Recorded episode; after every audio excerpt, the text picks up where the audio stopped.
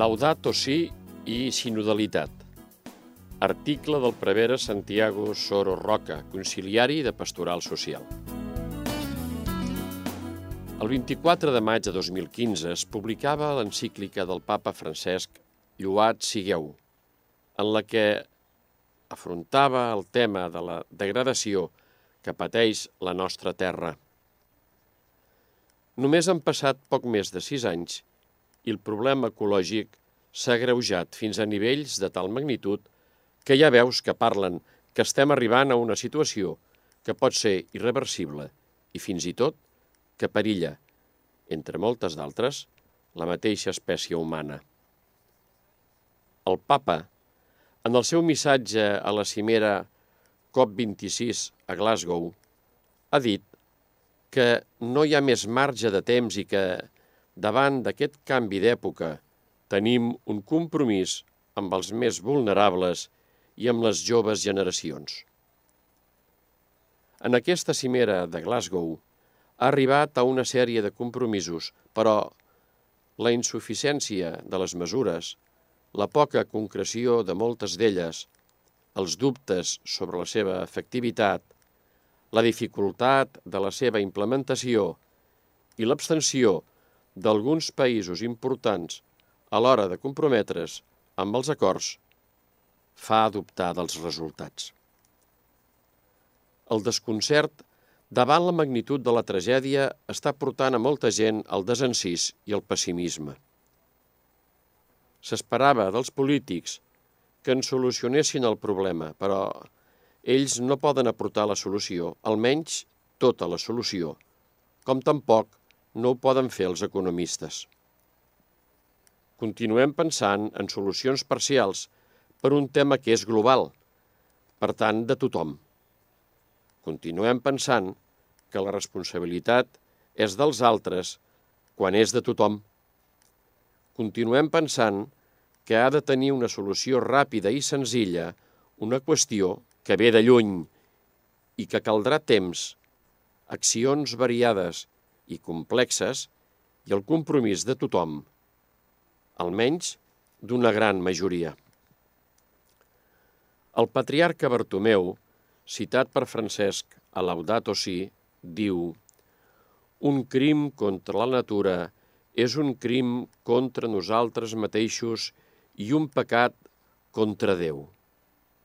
El papa apunta que no pensem tan sols en la possibilitat de terribles fenòmens climàtics o en grans desastres naturals, sinó també en catàstrofes derivades de crisis socials, perquè l'obsessió per un estil de vida consumista, sobretot quan només uns pocs puguin sostenir-lo solament podrà provocar violència i destrucció recíproca. La qüestió ecològica no és només un tema climatològic, sinó una qüestió global que incideix en tot. Les migracions actuals són no res en comparació a les que es produiran amb el progressiu escalfament. Conflictes de tots tipus i l'instint de conservació ens poden portar a tancar-nos en nosaltres, en el nostre grup, i veure l'altre com l'enemic. La pandèmia de la Covid-19 ens ha mostrat com som dependents els uns dels altres i que tot i tots estem connectats. Per això, Francesc ens parla d'una ecologia integral – basat en els principis de la doctrina social de l'Església, especialment en el reconeixement pràctic de la dignitat de tota persona humana i dels seus drets, i en la recerca del bé comú, que consisteix en el bé de tota la persona en les seves diverses dimensions i de tothom. Caldrà parlar de sacrifici, és una paraula que pràcticament hem desterrat del nostre vocabulari, fins i tot del vocabulari cristià.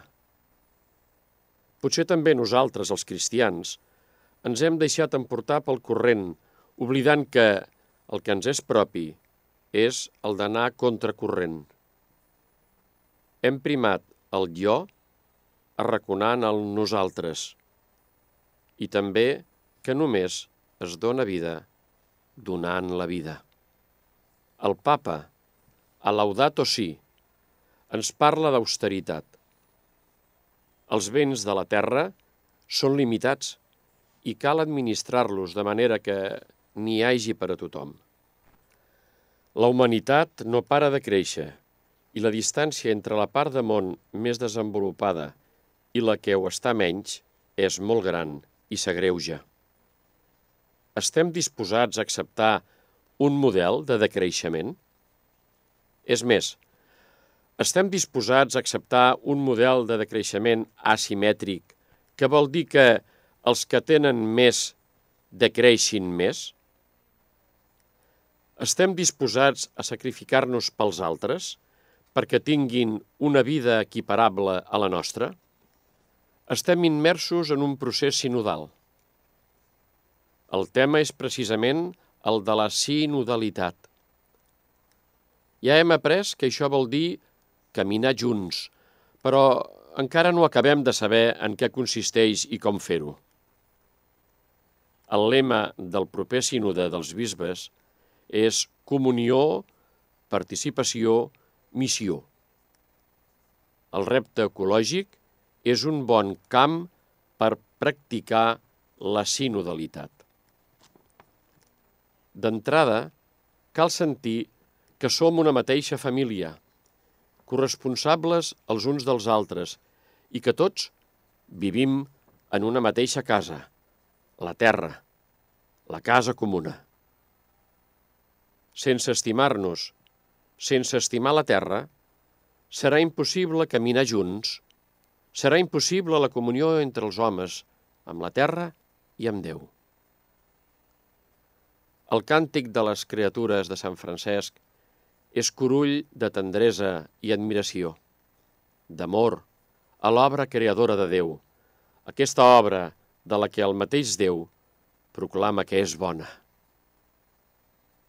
La segona paraula que ens proposa el sínode és participació.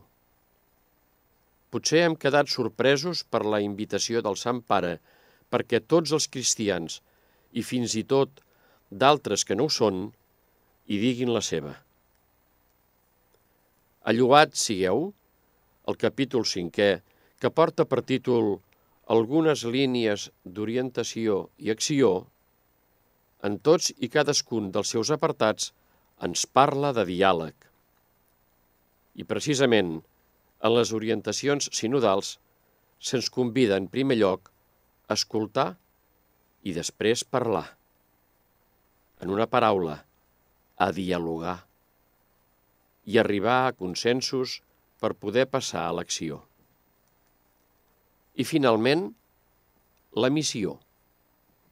El papa parla de la conversió ecològica de cadascú de nosaltres, de la presa de consciència i de la creació d'hàbits ecològics. Però no és suficient. Dirà, a problemes socials s'hi respon amb xarxes comunitàries, no amb la mera suma de béns individuals. La conversió ecològica que es requereix per a crear un dinamisme de canvi, de canvi durador, és també una conversió comunitària.